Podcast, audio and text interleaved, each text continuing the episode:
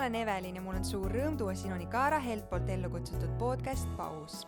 siin podcastis on fookuses erinevad teemad naiseks olemisest ja emaks kasvamisest ning seda tõetruult, teaduspõhiselt ja hinnangute vabalt.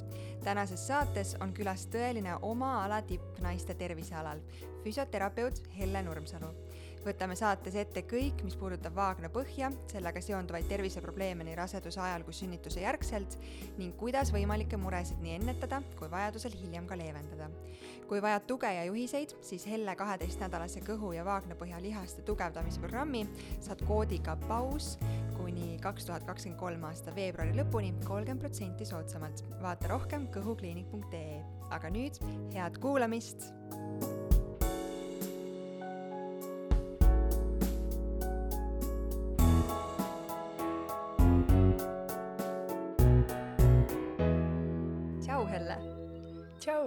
tead, mul on äh, tohutult suur äh, rõõm esiteks, äh, sest mina olen olnud kursis su tegemistega juba enne seda, minu meelest ma jälgisin sind Instagramis, kui ma ise lapseootele jäin, aga nüüd ma olen saanud aru, et mitte ainult minu peas sa ei ole tõeline tippspetsialist ja professionaal, vaid kui ma eile kõndisin lapsega teda lõunaunne ja kuulasin vist selle ajaga kolm podcast'i ära, siis absoluutselt kõikidest nendest podcast idest käis sinu nimi läbi, siis sind soovitati kui naiste füsiot nii et äh, suur rõõm, et sa täna siin oled ja tulid ka oma mõtteid ja teadmisi jagama. aitäh sulle kutsumast! kuule, aga meie saate põhifookuses täna on äh, ma ei tea, võib-olla sa ütled kohe, et ma ütlen hästi valesti, aga lihtsalt äh, vaagnapõhi ja vaagnapõhjalihased ja miks need on olulised ja miks need on oluline üles leida ja ennekõike seda seonduvalt äh, sünnituse, tähendab siis raseduse ja sünnitusjärgse elu ja naise tervisega?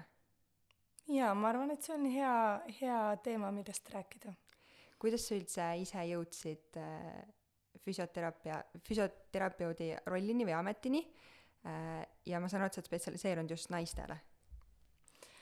Äh, jaa, no tegelikult tee füsioteraapia õppimiseni oli ka selline mõnes mõttes päris huvitav, et tegelikult mul ei olnud seda plaani Äh, keskkooli lõpus äh, oli minul mõttes minna õppima psühholoogiat. Ja ma lõpetasin keskkooli äh, väga heade tulemustega, hõbemedaliga, eksami tulemused olid väga head, kuid sellegipoolest psühholoogiasse ma sisse ei saanud. et tollel ajal oli seal akadeemiline test ja, ja ma lihtsalt seal natukene ajaliselt jäin omadega jänni ja, ja sellel hetkel, kui, kui mu nii-öelda see masterplaan äh, kadus ära, olin ma ikka suhteliselt peata kana, et ega ma ei teadnud, mida ma nüüd oma eluga pihta hakkan. Ähm, ma panin äh, dokumente siis erinevatesse ülikoolidesse, alustades äh, alushariduse pedagoogikast, kus ma sisseastumisvestlusel suutsin rääkida sellest, et mu eluaegne unistus on olla äh, lasteaiaõpetaja, äh, siis ma järgmine hetk olin haldusjuhtimise sisseastumiskatsetel, kus väitlesin teemal Euroopa Liidu poolt ja vastu, ähm, ja, ja siis ühel päeval äh, mul sõbranna ütles, et lähme Tartusse, et ma panen äh, Äh, dokumendid äh, Tartu Meditsiinikooli ehk siis tänasel hetkel Tartu Tervishoiu Kõrgkooli. ja, ja siis ma mõtlesin, et okei okay,, et ma tulen siis ka kaasa. Ja kui ma juba siis siin olen, et ma panen ka siis dokumendid sisse. Äh, ja, ja kuna sõbranna pani füsioteraapia erialale, siis ma mõtlesin, et okei okay,, ma panen ka siis füsioteraapia erialale. ja, ja kuna seal sisseastumisel oli siis samamoodi vestlus siis ma hakkasin guugeldama, et mis asi see üldse on, kuhu ma siis nüüd need dokumendid sisse panin. ja tollel hetkel äh, kuidagi elavnes minu sees uuesti huvi meditsiini vastu äh,, mis mul kunagi lapsepõlves ka oli, et, et lapsena ma ikkagi plaanisin saada arstiks. Aga mu ema äh, rääkis mulle kogu aeg, kui raske on arsti elu, kui palju sa pead eluaeg õppima, milline vastutus. Ja, ja kuidagi mm, see mõte jah, aja jooksul siis kadus ära. Ja need füsioteraapia õpingud, kuhu ma siis lõpuks jõudsin, kuhu mu sõbranna sisse ei saanud, et et see asi siis äh, lõppeski niipidi, mm, et need siis tõid uuesti minus esile sellise suure huvi meditsiini vastu. Ja, ja tegelikult see teekond siis saigi alguse täiesti juhuslikult. Ja, ja see on üks parimaid juhuseid, mis mu elus on, on tegelikult äh, juhtunud. No vahepeal või ütleme, mm, kui ma lõpetasin tervishoiu kõrgkooli ära, siis ma läksin õppima ka Tartu Ülikooli magistrantuuri ja tollel hetkel äh, oli mul plaan ikkagi olla beebide füsioterapeut hmm. et minu kõige ägedamad äh, praktikakogemused ülikooli ajalt, ajast on ikkagi Tallinna ja Tartu lastehaiglates äh, enneaegsete vastsündinute osakonnas, et see oli, oli täiesti noh, tundus mulle tollel hetkel, et see on mingi unistuste töökoht, olla, olla lastehaigla füsio. Aga siis ma jäin äh, ise oma esimest last ootama, äh, sellest nüüd saabki viisteist aastat. Ja olles siis äh, mm, ma arvan, et kuskil kuus kuud oli siis sünnitusest möödas äh,, sattusin ma vahepeal üldse eraettevõtluse radadele, hakkasin ettevõtjaks ja sellega vahepealseteks aastateks kadus, kadus siis see füsioteraapia ka mõnes mõttes ära. ja, ja täiesti juhuslikult jällegi äh, sattusin ma nüüdsest juba üle kümme, kümne aasta tagasi äh, kokku ühe naisega äh,, kes tuli siis minu juurde ja küsis abi, et kuna tal kõhulihastele mahtus reaalselt kümme sõrme äh, kõhulihaste vahele pärast laste sündi oh.. ja ülikooli ajast äh, ma teadsin küll, mis asi on diastaas, aga see oligi selline väga harva esinev mingisugune seisund sünnitusjärgselt äh,, sellele väga nagu tähelepanu ei pööratud. ja, ja siis ma läksingi koju ja hakkasin jälle guugeldama. Ja, ja siis ma jõudsingi kuidagi selleni, et ma sain aru, et tegelikult on see ikkagi väga suur ja väga sage probleem. ja, ja olles siis tollel hetkel tegelikult ettevõtja, ma nii mäletan, kuidas ma rääkisin elukaaslasele, et et ei, ma pean nüüd minema seda õppima, et see on täiega, see on nagu teema, seda on vaja. et sellest ei räägi mitte keegi. ja siis mul elukaaslane veel ütles, et sa ei pea nii palju õppima, et ma ei tea, leia endale uus hobi, mine, ma ei tea, tennist mängima, on ju, et et see ei ole, see ei ole vajalik, on ju, aga tollel hetkel oli mul endal juba nii palju sellist äh, julgust äh,, võib-olla ka ettevõtjana, see tee ette võtta, et ma äh, läbisingi koolituse äh,, ostsin kaheaastase litsentsi, käisin äh, New Yorgis äh, koolitusel, läbisin eksamid ja põhimõtteliselt sealt siis saigi alguse äh, teekond naiste füsioteraapias, kus siis äh, alguses minu põhiline fookus oligi siis kõhusirglihase lahknemine ehk diastaas ja väga suur osa tollel hetkel minu tööst oligi tegelikult teadlikkuse tõstmine. et äh, ma käisin päris palju ämmaemandatele loenguid andmas, naistearstidele, sest äh, tollel hetkel ähm, no mitte keegi sellest ei rääkinud. et äh,, et tänaseks hetkeks äh, on see teadlikkus juba palju-palju suurem äh, nii spetsialistide kui ka naiste seas ja, ja sealt edasi kaks aastat hiljem oli kuidagi loomulik jätk liikuda ka rohkem vaagnapõhja füsioteraapia suunas, mis samamoodi oli Eestis ikkagi väga vähene, et, et tollel hetkel äkki oligi mina ja siis üks füsioterapeut veel, kes selle teemaga tegeles. Ehm, ja, ja siis niimoodi see teekond alguse sai tead, vahemärkusena ma, kui sa rääkisid sellest, et äh, psühholoogiasse ei saanud sisse, siis ma kuidagi peas mõtlesin, et äh, et äkki sa võtsid kõige sarnasema nimega või noh, nagu nimega eriala, et psühholoogia, füsioteraapia, noh, aga väga tore juhus, oih, et sa jõudsid selleni, sest ma saan aru, et täna on see valdkond, mis sul väga silmad särama paneb ja milles sulle meeldib toimetada igapäevaselt. Jaa, absoluutselt, et, ähm, et täna ma tõesti tunnen, et see on parim töö maailmas. Äh, ma tunnen, et, ähm, et ma saangi äh, rakendada väga palju ka äh, psühholoogiat, see, mis oli kunagi väga suur huvi mul Äh, väga suur osa on seotud meditsiiniga, äh, et äh, siin on nii palju nagu arenguvõimalusi, et füsioteraapia üldse on selles mõttes väga äge eriala, et neid erinevaid spetsialiseerumisi või suundasid on väga palju mm. ja, ja lihtsalt tänu sellele, mm, et ma olen seda teed läbinud väga suures osas eraettevõtjana olen ma saanud nii kitsalt spetsialiseeruda.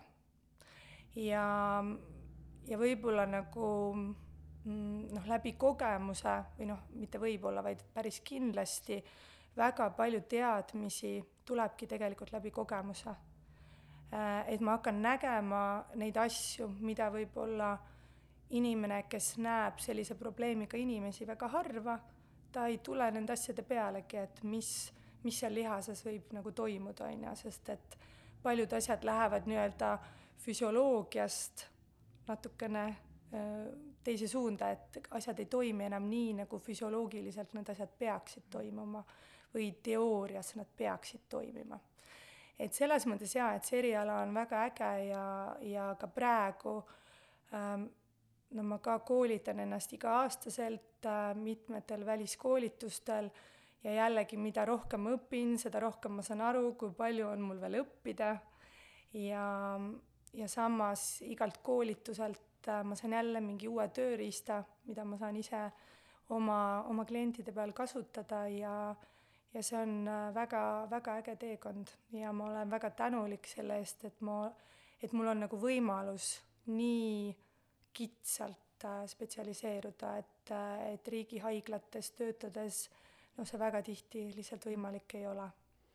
sul on täna kolm last, aga sa jõudsid äh, selle valdkonnani siis spetsiifilisemalt pärast esimese lapse sündi. kui palju äh, esimese lapse saamine kuidagi mõjutas äh,, oli sul mingeid probleeme, mis äh, mis kuidagi suunasid sind veel rohkem seda valdkonda uurima ja, ja edasi selles töötama ähm,? ei, minul esimene rasedus, sünnitus, äh, noh, kõik olid nagu raamatu järgi mm.. et ma arvan, et päris palju ikkagi mõjutab ka see vanus. Et, äh, et meie kehad on ikkagi loodud lapsi sünnitama noores eas. ja seda ma näen ka oma klientidelt, et taastumine noortel on natukene kiirem, parem kui siis võrreldes kolmkümmend viis pluss naised Äh, et, äh, et minul jah, endal nagu probleeme ei olnud, taastusin väga, väga hästi ja ja, ja selles osas jah, see valik äh, või ei tulnud iseenda probleemidest lähtuvalt. Mm.. aga juba teist last oodates äh, ma olen kõiki asju enda peal ikkagi katsetanud, et mõnes mõttes niisugune katsejänes olnud, et kõik need soovitused, mida ma mm, naistele, kes tulevad raseduse ajal vastuvõtule, annan, kõiki neid asju ma proovisin ka enda peal. Ähm, teist last oodates oli mul ka kindel plaan äh, katsetada seda, et kas on võimalik näiteks ennetada, et mul ei tekiks kõhulihaste lahknemist, sellepärast et ähm, noh, eri uuringute järgi ja üleüldse ka praktilise kogemuse järgi äh, väga tihti probleemid tekivadki just pärast teist last. ja, ja teoorias siis ka, et, et on võimalik seda ennetada teataval määral ja, ja läbi selle ma siis tegin harjutusi äh,, tegin trenni, käisin jõusaalis äh,, äh, valmistusin nii füüsiliselt kui ka emotsionaalselt palju rohkem sünnituseks kui võib-olla siis esimest last oodates. et esimest last oodates oli mul väga palju teadmisi tänu füsioteraapia õpingutele. Et kuna selle sees oli meil ka siis günekoloogia, rasedus, rasedusaegne sünnitus, kõik need teemad tegelikult kaetud, et et tollel hetkel ma isegi sellise välise informatsiooni ähm, puudust ei tundnud või vajadust selle järgi ei tundnud õigemini. aga teise lapsega ka, et, et olin ise palju teadlikum ja, ja tõesti ka enda kogemusest võin öelda, et füüsiline ettevalmistus ikkagi sünnitus sünnitust mõjutab väga-väga palju. et eks muidugi kolmas laps muidugi õpetas mulle seda, et, et, äh, et ei tasu kohe niimoodi mõelda, et kui kaks on läinud nagu superkiirelt ja hästi, et nüüd kolmas läheb veel kiiremini ja veel paremini, et äh, et mõnes mõttes kolmas sünnitus õpetas mulle jah, natukene niisugust alandlikkust, et et alati ikkagi kõik ei pruugi ka minna nii, nagu sa tahad, äh, kui sa ka valmistad ennast väga, äh, väga ette erinevatel tasanditel. aga ka kolmanda lapsega tegelikult lõppkokkuvõttes ikkagi sünnituskogemus oli ka väga hea ja, ja võin jällegi öelda, et, äh, et sellel sünnitusel mul oli päris äh, suur äh, vaakumsünnituse risk äh,, selle tõttu, et lapse sül-, südametoonid läksid alla ja noh, seeläbi ka teatav keisrilõike risk. kolmanda raseduse ajal ma ise nägin küll unenägusid, et nüüd raudselt mul tuleb keisrilõige, et ma saaks ikka selle kogemuse ka enda peal läbi elatud äh,. seda ei tulnud äh, ja õnneks ka vaakumit ei tulnud ja ma usun, et tänu sellele, et ma äh, ka kolmanda raseduse ajal teadlikult äh, õppisin äh, või õigemini tegelikult ma ju teadsin, aga tegin harjutusi siis äh, süvalihastele, vaagnapõhjalihastele äh,, ma suutsin pressida väga kiiresti lapse välja ilma vaakumita, ilma ühegi rebendita äh,, et ma arvan, et see oli kõik tänu sellele, et ma väga teadlikult ennast tugevdasin terve raseduse enne kui me hakkasime salvestama, siis sa jõudsid mulle öelda äh, seda, et äh, sinu juurde jõuavad kahjuks ka juba eakamad naised, kes äh, alles hakkavad otsima oma vaagnapõhjalihaseid ja täpselt ei tea, mis, millega on tegu. kui me nüüd päris algusest alustame, mis on vaagnapõhi, mis need vaagnapõhjalihased on ja mis nende roll meie kehas on? Jaa, vaagnapõhjalihased on niisugused mõnes mõttes nagu müstilised lihased et me teame, et nad kuskil on, aga päris kindlad ka ei ole, et kus, kus või mis. et vaagnapõhjalihased kõige kergemini või lihtsamini seletatult on siis need lihased, mis meil ongi jalgevahes. Äh, nad kinnituvad häbemeluult sabakondile ja siis kahelt poolt ka siis nii-öelda puusaluudele. Nad ümbritsevad nii pärakut kui ka tuppe ja selle tõttu, kui me räägime nende lihaste pingutamisest, siis kõige esimene asi ongi mõelda, et nagu tahaksid hoida häda kinni. Ehm, et see on esimene asi, mida võiksid tunda. vanasti soovitati ka äh, nende lihaste ülesleidmiseks äh, peatada vetsus käies uriinijuga, äh, siis tänasel hetkel see enam selline väga hea soovitus ikkagi ei ole et ühekordselt lihtsalt testida, kas sa suudad seda teha, on see väga okei okay,, aga mitte nii, et iga kord pissil käies proovin äh,, proovin seda uriinijuga peatada, et, et see mingisugust sellist positiivset treeningefekti ei oma. aga mis siis võib juhtuda või miks see negatiivne on äh,? no pigem nagu sellepärast, et ta natukene mm, rikub sellist äh, põie füsioloogilist äh, tööd, mis tegelikult on ju, et kui põis tühjeneb, siis meil lihased peaksid lõdvestuma, on ju. et lihtsalt seda lõdvestumist ta võib natukene hakata nagu häirima, et, et hiljem võivad hakata tekkima probleemid põie tühjendamisega. okei okay.. kui palju või, või miks äh, on eriti oluline oma vaagnapõhjalihast üles leida rasedatel? Äh, no raseduse ajal on oluline leida nad üles just selle tõttu, et ähm, sünnitusel sa oskaksid neid lihaseid lõdvestada. aga sa ei oska ju lõdvestada midagi, mida sa ei oska ka pingutada. ehk siis raseduse ajal esimene fookus on jah, õppida lihaseid pingutama, väga tihti rasedate jooga, joogas äh, ikkagi õpetatakse, kuidas neid lihaseid pingutada, aga nüüd hästi oluline on siis panna ikkagi see fookus, et igale lihaspingutusele peaks järgnema ka lihaslõdvestus.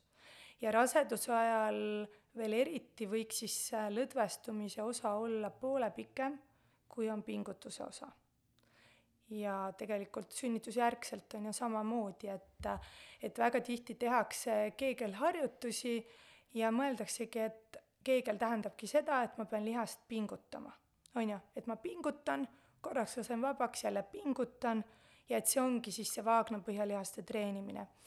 aga sünnitusjärgselt ma näen ka päris palju selliseid probleeme, mis tulenevadki sellest, et naised on ilusti kuulanud ämmaemandate sõna hakanud tegema igal pool, kui meelde tuleb, äh, vaagnapõhjalihaste pingutusi nii imetamise ajal, kõndides, no mis iganes ajahetkel. hambaid pestes. hambaid pestes, jaa. ja, ja mis siis vahel võib juhtuda, et see õnneks päris kõigil nii ei lähe, aga teatud äh, protsendil võivad siis tekkida ülepinged vaagnasse ja ülepingete puhul äh, peamised sellised sümptomid ongi raskused põie tühjendamisel Äh, et kui me mõtleme, et tegelikult pissimine peaks olema läbi lõdvestumise. See, et ma lähen pissile, ma lihtsalt lasen ennast lõdvaks, ma lasen lihtsalt sellel juhtuda. mis vahel juhtub sünnitusjärgselt, on see, et naised hakkavad seda uriini põiest välja suruma. nagu tahaks sidrunit pressida. vahel see tuleb ka sellest, et äh, ruttu on vaja ära käia on ju, et beebi ootab, on ju, ma pean ruttu-ruttu ära käima ja siis ma nagu tahakski kiirendada seda loomulikku Äh, ütleme, väljutust sellega, et ma nüüd natukene nagu aitaks kaasa. Aga tegelikult see on üks asi, mida kindlasti ei tohiks teha. et suruda uriini põiest välja, et see pisil käimine peaks olema täielik lõdvestumine. Äh, ülepingete korral, mis on päris äh, sage probleem, on ikkagi valulik vahekord et muidugi seal on hästi raske nagu hinnata, et ka imetamisest tuleneva äh, Äh, tupekuivusest võib tekkida, on ju, valulikkust, aga tavaliselt äh, kuivuse probleemi korral, kui kasutada libestit, siis vahekord valulik ei ole. kui nüüd vahekord ikkagi jääb valulikuks, kasutate libestit, äh, siis on suure tõenäosusega probleem ikkagi pingetes. ja samamoodi, kui ka näiteks sünnitusjärgselt ei saa enam seda moon cup'i kasutada, tampoonid ei püsi sees, et siis alati ei pruugi olla, on ju, probleem selles, et on väga nõrgad lihased, mida peaks siis veel rohkem pingutama, vaid võib-olla on vaja hoopis õppida neid lihaseid lõdvestama.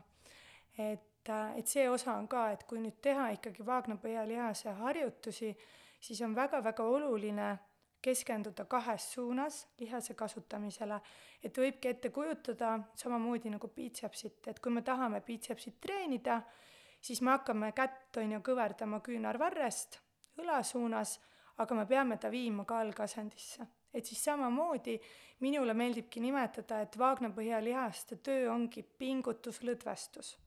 et ma isegi kirjutan oma, oma klientidele ka juurde, et kui ma saadan neile plaanid, mis on vaja teha, et see on Wagner põhjalihaste pingutuslõdvestus. sellepärast, et kui ma paneks lihtsalt pingutus, siis on ju see lõdvestus ei saa jällegi nagu piisavalt tähelepanu, aga tegelikult see on üks väga-väga oluline äh, nüanss, mis äh, mis ei saa olla nagu puudulik, sest see hakkab tekitama veel rohkem lisaprobleeme. kuidas üldse aru saada, et mul võib olla probleem või mure nende teemadega, sellepärast et sa tõid välja äh, valulik vahekord või äh, tampooni ja mooncupi kasutamine, et ei, ei püsi lihtsalt sees, eks, aga tihti menstruatsioon imetavatel äh, naistel mm, võib naaseda mm -hmm. väga-väga tükk aega pärast sünnitust samamoodi. no ma tean, vahekorrani ka ei jõua mõnikord beebimullis olles äh, väga ruttu naised, et millest üldse saab aru, et ma peaksin võib-olla abi otsima või selle teemaga rohkem tegelema? Ehm, no sünnitusjärgselt äh, üks väga oluline asi, millele mõelda, on see, et esimesed äh, kolm äh, sünnitusjärgset kuud on nagu neljas trimester. et see ongi nagu üks osa rasedusest, mis noh, siiamaani on saanud natukene liiga vähe tähelepanu, on ju.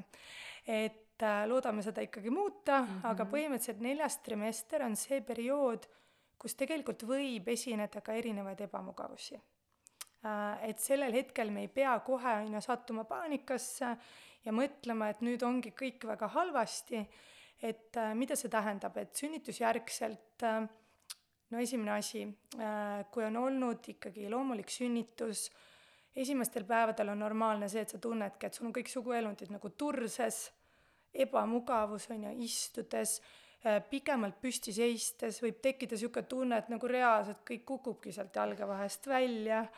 Äh, et see tegelikult on selline märk, et võib-olla ei peaks nii palju püsti olema, võiks nagu puhata rohkem, et tegelikult need esimesed kolm kuud peakski olema fookus puhkamisel, rohkem horisontaalsetel asenditel, et ei olegi vaja nii palju toimetada.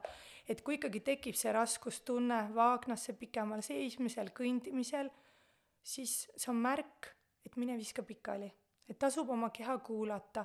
samamoodi sellel varajasel perioodil võib esineda uriinilekkeid aevastades, köhides, nuusates, võib tekkida see tunne, et kui tuleb pissihäda tunne, ma ei jõua nagu kinni hoida Äh, et sellel perioodil ei tasu kohe paanikasse sattuda, ei tasu siis kohe hakata tegema igal momendil neid pingutusi, kui nüüd teha, siis ikkagi koos lõdvestusega, et teadlikumalt mingi kindel aeg, kindel kogus, mitte niimoodi, et ma päev otsa siis on ju neid lihaseid hoian pinges. Sest noh, väga tihti on ka naised, et kes tunnevadki seda raskustunnet vaagnas, selle asemel, et nad läheksid, viskaksid pikali Nad püüavad hoida rohkem mm. lihtsalt siit neid lihaseid pinges, aga seeläbi on ju see tunne võib veel süveneda äh,. nii et ühelt poolt äh, see on see periood, kus lihtsalt kuulata keha äh,, kui keha annab märku, et mingeid ebamugavusi vaagnas on siis see ongi see, et ei tasu võtta kohe, ma ei tea, kümnekilomeetrisi kõnniringe ette, vaid olla natukene rohkem puhkerežiimil.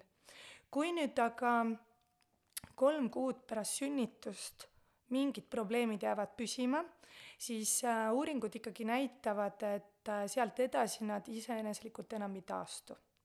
ehk äh, kui kolm kuud pärast sünnitust esineb uriinilekkeid aevastades, köhides, nuusates, on raskusi pissihäda kinnihoidmisega, kui ongi valulik vahekord, kui on väga tugev sabakondivalu, mis iganes muud valud Vaagna piirkonnas, äh, et siis juba tasuks ikkagi otsida abi ja, ja minna füsioterapeudi vastuvõtule mm,. treening on üks, mis äh, mul on tunne vähemalt enda kogemusest äh,, mulle jäi nagu igalt poolt kõlama see, et äh, nii kui sul on veritsus sünnitusjärgne lõppenud, sa oled käinud seal ämmaemanda äh, visiidil ja sulle antud roheline tuli elada oma elu nii, nagu soovid, siis anna ka minna tee kõike, mida sa tahad. ja ma nüüd, äh, mitte et ma oleks tormanud kohe jõusaali ja kangiga hakanud kükke tegema, kaugel sellest, mul on jätkuvalt treening ka lihtsalt lapses üleshoidmine kohati, äh, siis äh, ma nüüd olen ka kuulnud, et naistel puudub see teadlikkus, et tegelikult millistest treeningutest alustada, sest mm, osati on see seotud nii vaagnapõhjalihastega, aga, aga teine teema, mis sa tõid välja, ka diastaas ja kõhulihaste lahknemine, ütlen õigesti, jah mm, -hmm. et kui, kui isegi enesetunne on okei okay ja mingeid suuremaid muresid ja probleeme ei ole, siis kuidas võiks uuesti treeningute juurde naasta, ma saan aru, et see stardipunkt on kõikidel väga erinev ja sellest ilmselt sõltub ka see nii-öelda uus stardipunkt, kust pärast sünnitust alustada. aga mis mingid sellised põhilised soovitused sul on? Äh, no sünnitusjärgselt äh, on siis kõige olulisem alustada treenimist seestpoolt väljapoole. mida see tähendab? Et tegelikult me peamegi alustama nendest samadest Vaagna põhjalihastest, et need lihased on vaja üles leida äh,, sellepärast et äh, nad on saanud raseduse ajal igal juhul äh, mõjutatud, sellepärast et beebi on istunud seal Vaagna põhjas reaalselt üheksa kuud. Samuti, kui laps sünnib loomuliku sünnituse teel, siis see venitus, Vaagna põhi venib kolm korda sünnituse käigus. väga tihti võivad seal olla ka teatavad rebendid, võib-olla tehakse lõige, et seda võib võtta ikkagi kui nagu lihasvigastust, on ju, ja kui me nüüd mõtleme, et kui meil tekiks trenni tehes hamstringlihaste venitus või mis iganes muu skeletilihase äh, vigastus, siis me kõigepealt ju taastame selle lihase funktsiooni, jõu ära, ennem kui me läheme tegema, ma ei tea, kangiga kükke, on ju, siis vaagnapõhjaga on tegelikult samamoodi. et äh, ükskõik, kas sa oled sünnitanud keisrilõikega või loomuliku sünnituse teel, siis äh, esimene asi on ikkagi taastada ära need lihased, mis on saanud kõige enam mõjutatud. jah, see teadlikkus ongi väga vähene äh,, aga õnneks see juba vaikselt hakkab nagu paranema. aga mis siis need peamised sellised äh, põhimõtted on, et, et esimene asi, otsida üles vaagnapõhjalihased. Äh,, siis meil on oluline õppida äh, neid vaagnapõhjalihaseid äh, pingutama koos hingamisega, ehk siis meil on vaja taastada ka diafragma, mis on suur hingamislihas äh, roiete all. Diafragma funktsioon on saanud ka väga palju mõjutatud äh, rasedusest, raseduse lõpus äh, emakas surub diafragma väga ülesse, äh, selle tõttu ka selline sügav hingamine on raseduse lõpus natukene raskendatud. Ja sünnitusjärgselt ka diafragma väga tihti iseeneslikult ei taastu, et läbi hingamisharjutuste meil on vaja ka diafragma funktsioon taastada, sellepärast et diafragma mõjutab väga-väga palju meie alakõhtu. Kui diafragma on üle pinges, siis alakõht väga tihti läheb kuidagi nagu õhupall punni. Äh, samuti, kui diafragma on pinges, äh, ta hakkab suruma alla vaagnasse, suureneb risk äh, allavajade, samamoodi uriinipidamatuse tekkeks, et siis lisaks vaagnapõhjale diafragma äh, taastamine, kolmandaks kõhulihased kõhulihaste puhul on ka nüüd sünnitusjärgne treening natukene erinev äh, alguses just seetõttu, et äh, ka kõhu kõige sügavamad lihased on saanud väga suure venituse. et kui me enne lapsi olemegi harjunud tegema ülakehatõsteid, jalgade tõsteid, kerepöördeid selleks, et treenida kõhulihaseid äh,, meie süvakiht on töötanud kogu aeg automaatselt Äh, et noh, teoorias süvakiht aktiveerub siis paar millisekundit ennem kui käed-jalad hakkavad liikuma. nüüd, mis juhtub sünnitusjärgselt? Äh, juhtub siis see, et see süvakiht jääb natukene uinunud olekusse. et ta nagu põhimõtteliselt selle üheksa kuuga unustab ära, et ta peaks seda tööd tegema. ja tegelikult taastavate harjutuste üks nagu eesmärkidest ongi siis tuletada sellele süvakihile meelde, et ta peaks ka ikkagi oma tööd tegema, ehk siis kogu see kehatüvi peaks meil koordineeritult saama ilusti tööle. vaagna põhi, süvad kõhulihased, süvad seljalihased ja diafragma. see on põhimõtteliselt nagu meie keha vundament.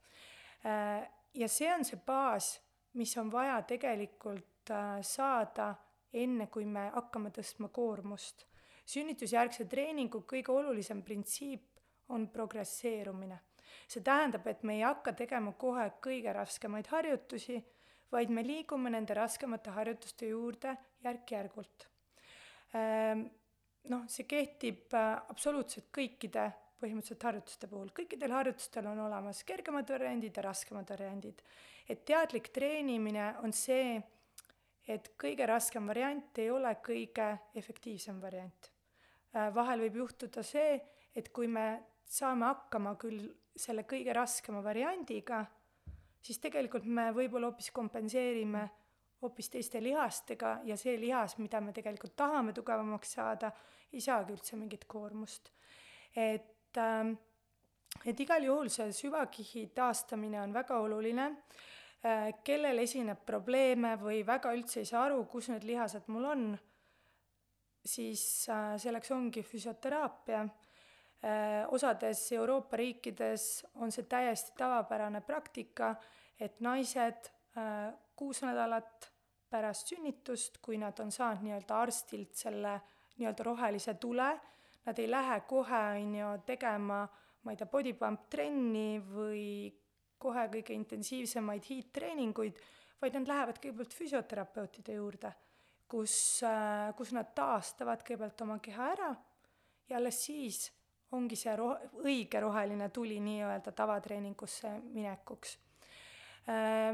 Äh, noh, teine variant, mis minu arvates iseenesest on ka nagu päris, päris okei okay,, on ka Pilates. Pilatese treenerid oskavad ka väga hästi õpetada süvalihaste aktiveerimist, kuidas on hingamine, lihaste töö seotud, et kui ei ole otseselt probleeme, on soov alustada treeninguga, siis miks mitte füsioterapeudi asemel minna hoopis Pilatese personaaltreeningusse. et see on ka nagu päris, päris hea variant, millest, millest alustada.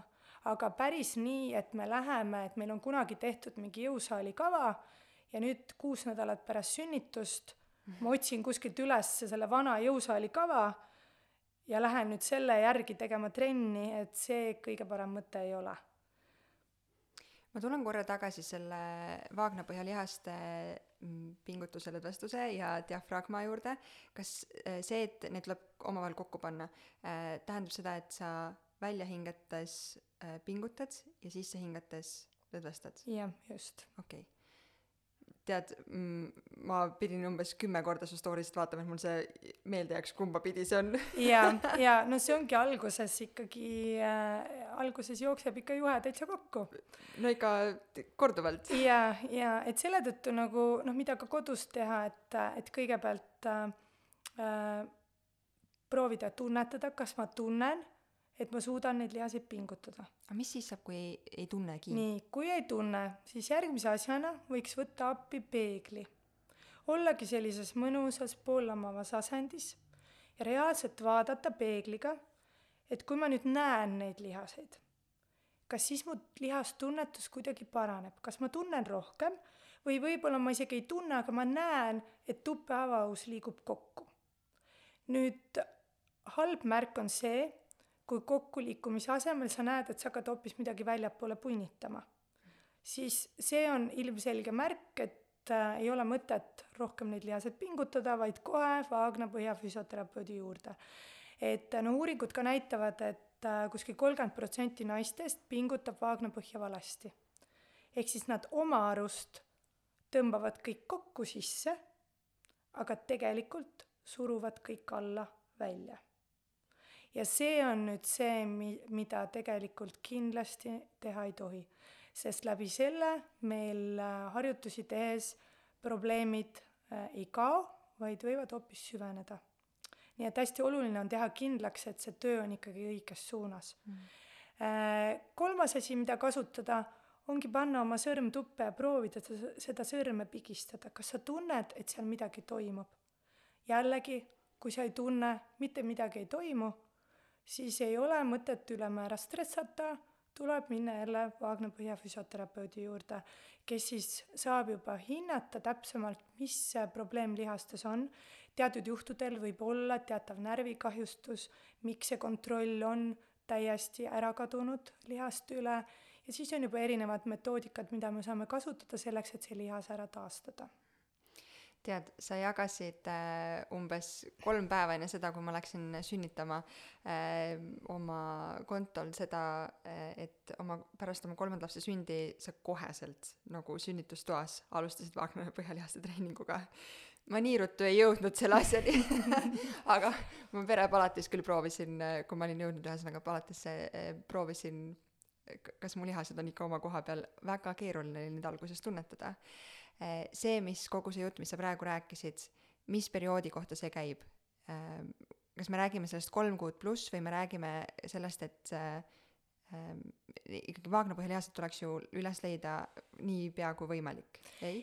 jaa, et absoluutselt, et tegelikult äh, esimesi harjutusi võibki hakata tegema juba kakskümmend neli, nelikümmend kaheksa tundi pärast sünnitust äh, välja arvatud nüüd nendel juhtudel, kui on tekkinud väga suured ulatuslikud rebendid, ehk siis kolmanda-neljanda järgu rebendid, on ju, et kus ikkagi mõjutada on saanud äh, väga tugevalt ka sfinkterlihas, on ju.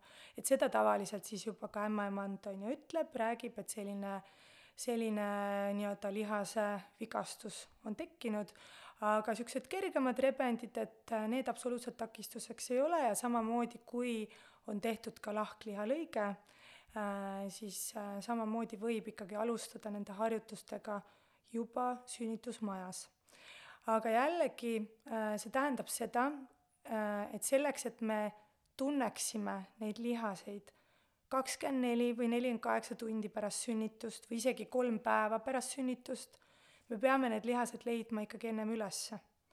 Et kui me raseduse ajal ei ole mitte kordagi teinud mitte ühtegi harjutust oma vaagnapõhjalihastele, meil puudub igasugune ülevaade, kus need lihased üldse asuvad, siis on tegelikult suhteliselt võimatu neid üles leida sünnitusmajas. sellepärast, et äh, tulebki jällegi arvestada, see lihas on saanud väga-väga suure venituse ja see lihastunnetus ongi läbi selle väga palju äh, noh, me ei saa öelda kahjustada saanud, aga mõjutada saanud. nii et, äh, et kes tunneb oma lihaseid juba raseduse ajal, on neid harjutusi teinud, äh, võiks hakata tegema juba sünnitusmajas, kes ei ole raseduse ajal üldse nendega tegelenud, siis on okei okay natukene oodata. Ja kui sa ise tunned, et hmm, võiks juba hakata midagi tegema, siis vot esimese asjana võiks leida ikkagi need vaagnapõhjalihased üles ja see peegliga vaatamine, et noh, see on samamoodi, et, et vaadatagi, et mis mul seal nüüd toimub.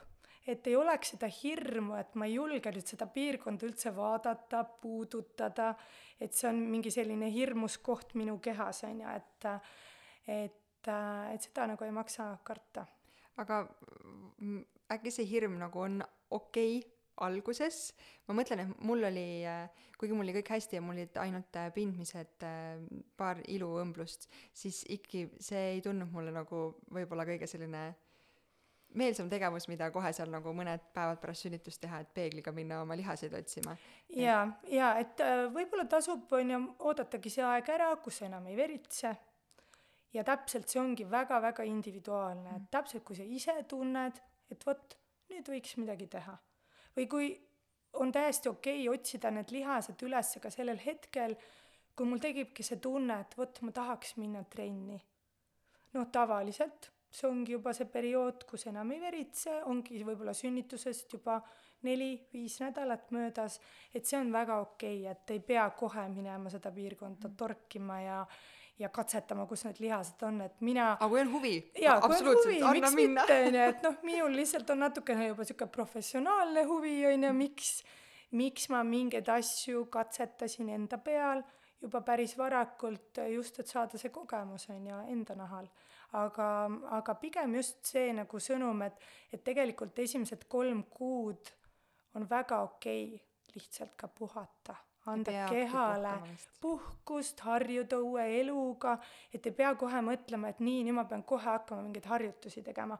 et tegelikult keha taastub iseeneslikult, kui me laseme tal taastuda. ja see tähendabki seda, et, et ei pea kohe mõtlema, pean hakkama kohe tegema harjutusi selleks, et muidu on ju, muidu jäängi rongist maha ja siis on ühel hetkel liiga hilja, et tegelikult ei ole niimoodi, et esimesed kuud, mida rohkem puhkad, pigem oledki pikali, naudid aega beebiga, seda paremini ka keha taastub. ja kui on see tunne, tahaks hakata trenni tegema, siis vot siis võiks küll ikkagi need lihased ikkagi üles leida, et see aeg, kus me leiame need üles, ei oleks siis menopausis, on ju, et ei oleks siis kakskümmend, kolmkümmend aastat pärast äh, laste sündi, sest äh, menopausis äh, selleks hetkeks on äh, kehas jällegi päris suured hormonaalsed muutused, äh, vananemisega kaasnevad nagunii muutused lihase tasandil, üleüldse skeletilihased muutuvad nõrgemaks. Ja tollel hetkel on juba neid lihaseid palju raskem üles leida, aga jällegi mitte võimatu.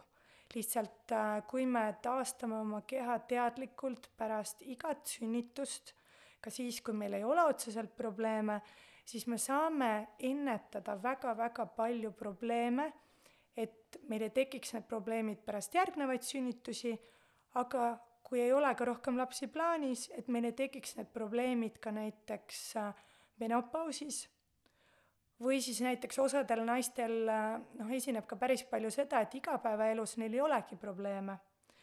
Äh, tunnevadki, et oh, kõik on jumala hästi taastunud aga kui nüüd mingil hetkel, see on võib-olla ka kaks või kolm aastat pärast laste sündi, tekib neil tunne, et tahaks nüüd mingit trenni hakata tegema.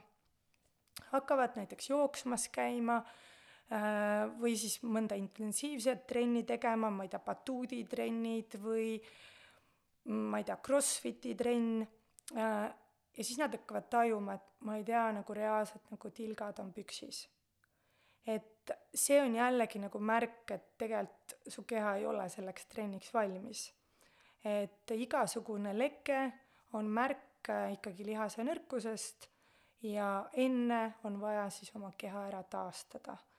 et, et minul on ka päris, päris mitmed kliendid ka praegu, kellel ongi niisugune pikemaajaline eesmärk minnagi Crossfit trenni näiteks, aga lühiajalised eesmärgid on saada ikkagi kõigepealt lihased toimima, et, et ei tekiks uriinileket koheselt, kui naine näiteks hakkab hüppama, on ju, või jooksma, et et igasugune leke füüsilisel pingutusel on ikkagi märk sellest, et äh, süsteemis on mingi error. Vahel on see märk sellest, et vaagnapõhi on nõrk, vahel on see märk sellest, et vaagnapõhi on ülepinges ja vahel on see märk sellest, et lihtsalt kehatüve lihaste omavaheline koordinatsioon on häirunud. et see ei ole nagu ka alati see, et kui mul on uriinilekked, ma ei tea, trennis, et siis ma lihtsalt peangi hästi palju neid lihaseid jälle hakkama pigistama, on ju. et vaagnapõhja lihaste treening on tegelikult väga palju rohkemat kui ainult nende tupelihaste kokkupigistamine. et see on võib-olla ka natukene selline teema, äh, mida on vaja teadvustada naistele, et kui ka on probleemid ja, ja kui sa siis ikkagi teed neid vaagnapõhjalihaste kokkutõmbeid, teed juba paar kuud, aga mitte mingisugust muutust ei näe ähm,, noh, siis ei ole see, et need lihased ongi lihtsalt nii nõrgaks jäänud ja neid ongi võimatu treenida, vaid väga tihti seal on ikkagi mingid vead, kas siis äh, harjutuste tehnikas äh,, võib-olla on alakoormusel treenimine või siis ongi see, et tuleb sinna juurde hoopis tuharalihaste nõrkus, et on vaja hoopis hakata tuharalihaseid treenima, võib-olla hoopis kogu keha treenima, selleks, et ka see vaagnapõhi saaks normaalselt funktsioneerida. et vaagnapõhi ei ole eraldiseisev üksi toimetav üksus mm. ta toimib ikkagi kogu kehaga ja näiteks, mis on ka hästi huvitav, et väga palju on vaagnapõhi seotud ka näolihastega. on ju, et me teame kõik, on ju, raseduse ajal ka alati räägitakse, näolihased tuleb lõdvestada, sünnitusel ka lasete huuled vabaks, on ju, aga tegelikult see on, on ikkagi päris, päris teema, et, et väga tihti näiteks naised, kes öösel kirgistavad hambaid, ehk neil on pinged, on ju äh,, siin lõualiigestes, siis neil on pinged ka vaagnapõhjas et ja kui nad tahavad hakata vaagnapõhja pingutama, siis tahaks hakata siikaga ikka kokku suruma. et, äh, et tegelikult inimese keha on ikkagi üks tervik ja, ja ei ole niimoodi, et kui mul on probleem vaagnapõhjas, siis ma pean tegelema vaagnapõhjaga. viiskümmend protsenti juhtudest see võib niimoodi olla, aga mis mina näen väga-väga palju äh, diafragma äh, probleemid on need, mis tekitavad tegelikult äh, probleeme vaagnapõhja. ehk siis tegelikult see rõhk, mis meil kõhuõõnes on, on ju, et kui tekib ühes, äh, ühes lihases ülepinge, siis ta hakkab ümbritsevaid lihaseid lihtsalt mõjutama.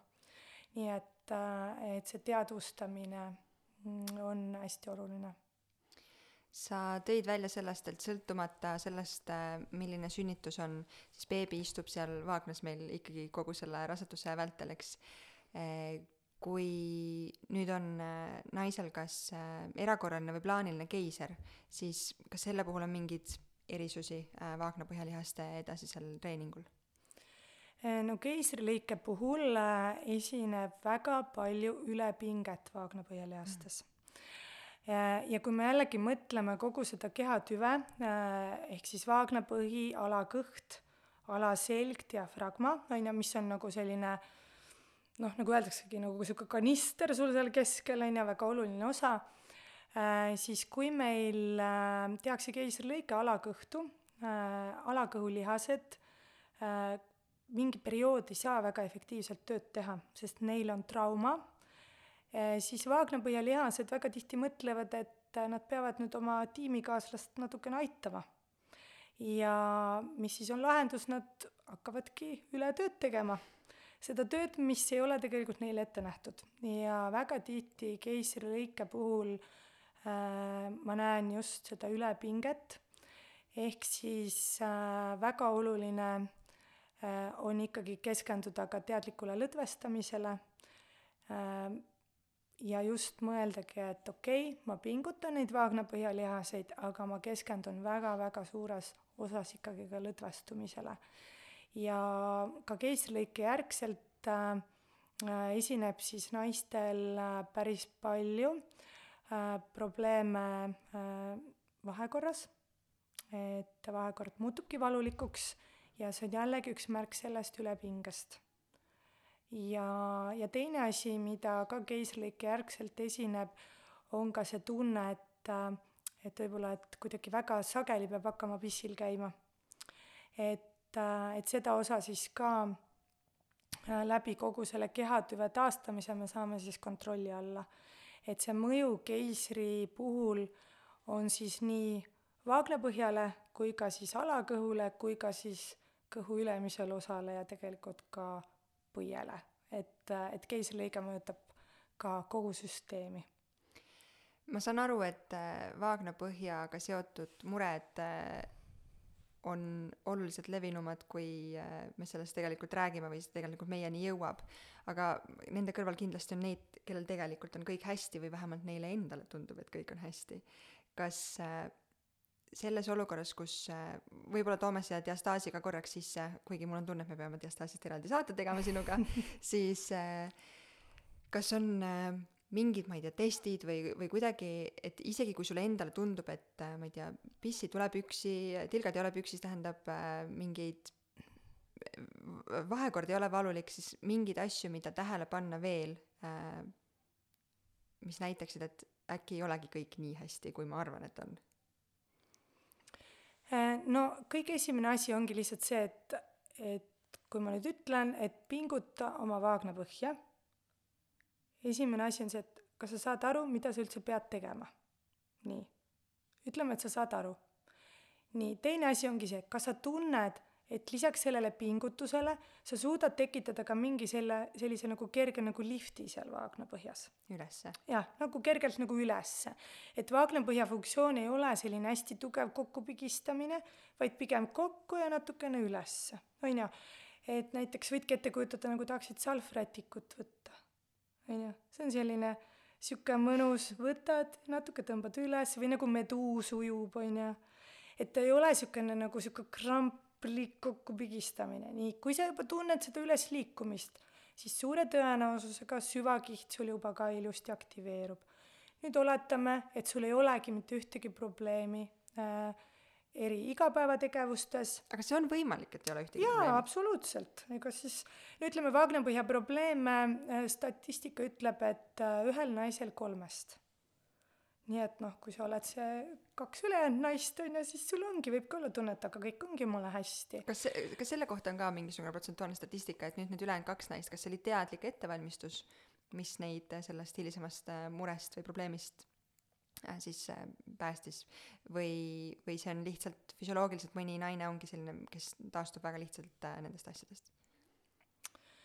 Ehm, no ma arvan, et, äh, et seal ongi nagu, seal on nii palju erinevaid faktoreid, mis, äh, mis mõjutavad, võib-olla see eelmine, eelnev treenitus äh,, rasedus, juba see sünnitus, kuidas ta kulgeb, on ju, et see on väga-väga erinev äh, erinevatel naistel, ma ei tea, lapse suurus äh,, mis mõjutab äh, äh, kõik see sünnitusjärgne periood noh, alates juba kas või toitumisest või vee joomisest, on ju, kui palju sa annad endale sellist head hoolt, on ju, või või, või sööd täiesti, ma ei tea, valget suhkrut lihtsalt sisse, on ju, et ja ei joo üldse vett, on ju, et seal on nagu nii palju erinevaid faktoreid, mis tegelikult, on ju, meie keha taastumist mõjutavad. ja noh, muidugi on, ongi inimesi, kes kes ongi kuidagi nagu rauast inimesed, on ju, et nad võivadki ükskõik mida teha ja neil ei jäägi mingisuguseid erilisi nagu selliseid jääknähtusid. aga ütleme jah, et kui nüüd statistiliselt mõelda, et kui ühel kolmest esineb, siis ülejäänud sellel kahel naisel jah, neil ei muutu see olukord paremaks ilma sekkumiseta aga jällegi uuringute järgi ikkagi vaagnapõhjalihaste teadlik treenimine, äh, juhendatud treenimine äh, on ikkagi väga efektiivne ja enamikel juhtudel me ikkagi saame probleemidest vabaks läbi treeningu. Äh, jällegi on teatuid, teatud ütleme probleemid, mis juhtudel on vaja ka võib-olla operatsiooni. et tehakse ka erinevaid gümnakoloogilisi operatsioone kui nüüd seal kaasuvalt on juba mingisugused tõsisemad, tõsisemad errorid. Aga mis teste nagu veel kasutada, et, et mida võib proovida, on siis näiteks hüppamine, et äh, täitunud põiega, kas sa suudad hüpata? tead, mul on tunne, et hüppamine on keeruline juba ainuüksi Äh, piimatäis äh, rindade poolest. jaa, jaa, no siis sihuke rindadele hea toestus on ju, et, et noh, kui peaks olema on ju see vajadus, et minna hüppama, näiteks, et tahad minna sellisesse trenni. ja noh, mis on, ütleme, mm, selline äh, päris hea test on see, et kas sa saad batuudil hüpata. et väga paljudel naistel äh, ongi see, et nad tunnevad, et nad ei saa enam batuudil hüpata pärast äh, laste sündi ei saa, sellepärast et tilgad tulevad püksi? et äh, see ongi see ainuke hetk võib-olla, kus nad seda tunnevad. aga jällegi, äh, noh, minu arvates on ikkagi normaalne elu see, et et kui lapsed tahavad, et ma nendega batuudile läheks, et siis ma saan ka minna, et ma ei pea hakkama muretsema selle pärast, et issand, et pärast mul on püksid märjad, jube piinlik on ju, et et oluline on ikkagi tugevdada oma keha niimoodi, et mu keha ei piira mu valikuid igapäevaelus. et mul ei valuta kuskilt, et mul ei leki kuskilt, et ma saan elada aktiivset elu kõrge eani ilma selliste probleemideta. Ja noh, Vaagna põhja puhul äh, mis on ka nagu hästi oluline, et, et mida mina ka vahel vaatan, et naised tulevad minu juurde ju väga suures osas ikkagi kõhulihaste probleemidega, äh, sest see on see probleem, mis neid reaalselt ju nagu häirib, on ju, et nad vaatavad, et kõht ei tõmbu tagasi, kõht on teistsugune, ma tahaks selle piirkonna vormi saada. ja siis ma alati küsin ka vaagnapõhja kohta. ja siis väga tihti on see, et ah no mul vahel jah, mingi tilk tuleb, kui ma selle avastan või, aga no see ei ole probleem või et noh, kui ma nagu, ma ei tea, paari jooksusammu teen, no okei okay,, nats on püksid märjad, aga noh, see ei ole probleem. et siis tegelikult suur probleem on see, et me ei saa aru, et see on probleem. et tegelikult see ei ole norm, et, et kui me oleme sünnitanud, siis normaalsus ei ole see, et, et me hakkame kuskilt lekkima. Ja noh, muidugi lisaks uriinileketele on ju ka tegelikult väga oluline teema, mida küll esineb äh, õnneks vähem on ka gaasi- ja roojalekked. et meil ei ole see, et me võime lekkida ainult ühest kohast. Äh, samamoodi äh, sellised ebamugavused, see ei ole normaalsus, et, et kui ikkagi kolm kuud pärast sünnitust neid esineb, siis see on märk, et sellega on vaja tegeleda sellepärast, et kui tänasel hetkel sa mõtled, et okei okay,, see ei ole teema, et noh, see ei häiri mu elu, põhimõtteliselt kui ma ei tea, kodus olles mingi see tilk tuleb, Äh, siis kahekümne aasta pärast see tõenäosus, et võib tekkida juba reaalselt pidamatuse probleem, mida on konservatiivselt palju raskem kontrolli alla saada, see tõenäosus on väga suur. Nii et, äh, et esimene asi ongi see, et, et me ei peaks seda normaalsuseks pidama. ja no miks, miks me võib-olla peame seda, ma ei tea, võib-olla, võib-olla meie enda ema või vanaema on öelnud vot sellised asjad juhtuvad, kui lapsed sünnivad. et võib-olla meil on juba noh, kuidagi perekonnast nagu kodeeritud sisse see, et, et see ongi normaalne, et mingid probleemid selle vaagnapõhjaga nagu juhtuvad pärast laste sündi. Äh, vahel mõni arst on ka minu klientidele ka öelnud, et aga et sa oled sünnitanud naine. mis sa siis ootasid? on ju, et noh, tegelikult see ka päris nagu, päris nagu õige ei ole, et et, tänasel päeval ikkagi äh, teadus ja praktika kõik näitab, kui palju me saame selles osas ikkagi enda heaks ära teha. ja, ja no muidugi see piinlikkus. eks, eks ikkagi noorele naisele see tunne, et mul on mingi error seal vaagna põhjas, et see on päris, päris hirmutav. sellepärast, et me mõtleme, et see on, see on nagu niisugune vanaemade probleem mm. -hmm. et, et vanad inimesed, nendel on see pissihais, on ju, ja, ja peavad kandma mähkmeid, aga tegelikult noore, noorena me saame ikkagi väga palju selleks ära teha, et meie vanas eas ikkagi ei peaks niimoodi oma elu elama või vähemalt me saame viia selle tõenäosuse palju-palju väiksemaks. sest muidugi on mis iganes äh, üldisi haigusi äh, või muid terviseprobleeme, mis võivad, on ju, meil ikkagi tekitada neid probleeme, aga lähtudes just sünnitusjärgsetest probleemidest, siis, siis tegelikult on nii palju asju, mida me saame ise ära teha. ja üleüldse oma tervise mõttes ka ja jätkuvalt äh, ma tunnen, et see saab igas saates kinnitust, aga et äh, mitte keegi teine ei seisa meie tervise ja heaolu eest peale meie enda. mul tuli üks äh, naljakas naljakas asi meelde sellega, ähm, kui ma sünnituseks haiglakotti kokku panin ja siis ma tahtsin osta kotti kaasa endale neid mähkmed kõlab nagu nõmedalt, aga ikkagi mähkmed yeah. äh, mm -hmm. sünnitusjärgseks perioodiks mis osutusid väga mugavateks ja heaks valikuks, aga ühesõnaga, kui ma läksin apteeki neid ostma, eh, see riiul oli täiesti tühi. ja ma küsisin apteekrilt, et kas teil tõesti ei ole neid, kuidas see võimalik on, ta ütles, et jaa, pensionipäev on täna. ja konkreetselt eh, eakad olid tulnud, kellel siis on probleemid ja olid kõik, kõik riiulid tühjaks ostnud. et äh, siis sain endale õla peale koputada ja meelde tuletada, et on oluline treenida oma vaagnapõhjalihaseid pärast äh, sünnitust samamoodi. ja, ja tegelikult on ju mitte ka ainult äh, vaagnapõhja, et kui me nüüd räägimegi üleüldse vananemisest, siis äh, noh, nelikümmend pluss vanuses meie lihased lihtsalt hakkavad kuskile ära kaduma. ehk siis lihastreening muutub vananedes järjest olulisemaks et vaata, kahekümneselt noh, tegelikult ju ei peagi trenni tegema väga selleks, et olla toonuses. lihtsalt oleme toonuses, kui sa oled juba normaalkaaluline igalt poolt trimmis, siis mida vanemaks me jääme, seda ikkagi nõrgemaks lihased muutuvad ja seda olulisem on anda neile ikkagi koormust läbi harjutuste äh,. oluline ongi lihtsalt leida see trenn, mis sulle endale meeldib. aga loota ainult kõndimisele, ähm, no väga ei tasu, on ju. et tegelikult üks asi on jah, vaagnapõhjalihaste treenimine, aga ideaalis me liigume ikkagi äh, sellelt ühelt piirkonnalt järjest suuremale piirkonnale ehk siis kogu kehatreeningule. ja see on see, mis tegelikult aitab hoida meie kehasid tugevana, vitaalsena Äh, ja aitab hoida ära selliseid ebamugavaid probleeme ka vananedes.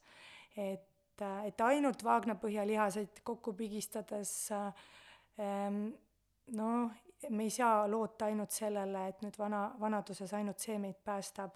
et äh, nõrk tuharelihas on ikkagi üks, üks päris suur riskifaktor vaagnapõhjalihaste äh, probleemide tekkeks ja kui me kas või mõtleme rasedusjärgselt äh, siis äh, tuhar on üks lihas, mis ikka väga nõrgaks muutub rasedusega. et äh,, et paljud naised tunnetavad, et äh, pepu kaob kuskile ära. et see on tingitud teatud rasedusaegsetest vaagnakalde muutustest et tuhara toonus päris palju äh, väheneb ikkagi raseduse ajal ja see on üks väga oluline lihas nii vaagnapõhjale ka kõhule, ka seljale äh, või üleüldse kogu liikumises tegelikult tuhar on ju, mängib väga olulist rolli, et et tuhara treenimist ei tasu ära unustada. nii et, et see ei tähenda seda, et kõik peaksid minema nüüd jõusaali, et väga palju me saame ära teha koduse võimlemisega, oma keharaskuse äh, harjutustega, jooga, pilates, ma ei tea, aeroobika tantsutrennid, noh, mis iganes, on ju, et oluline on leida trenn, mis, mis väga-väga meeldib ka. et ei pea tegema ainult nüüd selleks, et seda lihast saada tugevaks. Kuule, nüüd siin ei ole isegi mitte enam võib-olla, vaid me kohe päris kindlasti teeme sinuga teise saate veel. Äh, ja, ja ma arvan, et äh, kuigi nii, nagu sa mulle enne saatest ütlesid ka, et sina räägid nendest teemadest iga päev ja see on sinu jaoks väga tavaline, siis ma olen enam kui kindel, et äh, siit saatest on hästi palju vajalikke mõtteid ja uusi teadmisi paljudel kaasa võtta. sest nendest teemadest ei räägita, nii nagu sa välja tõid, see on piinlik ja kuidagi ei mõtle nendele asjadele aga on oluline mõelda ja on oluline enda tervise eest seista. aitäh sulle, Helle! aitäh sulle, oli väga lõbus. mul ka. uute teadmiste võrra targem ja ma loodan, et, et tänane saade tõesti kedagi kõnetas ja teeb selle võrra kellegi elukvaliteeti paremaks ka. aitäh! ma loodan ka. tšau! tšau!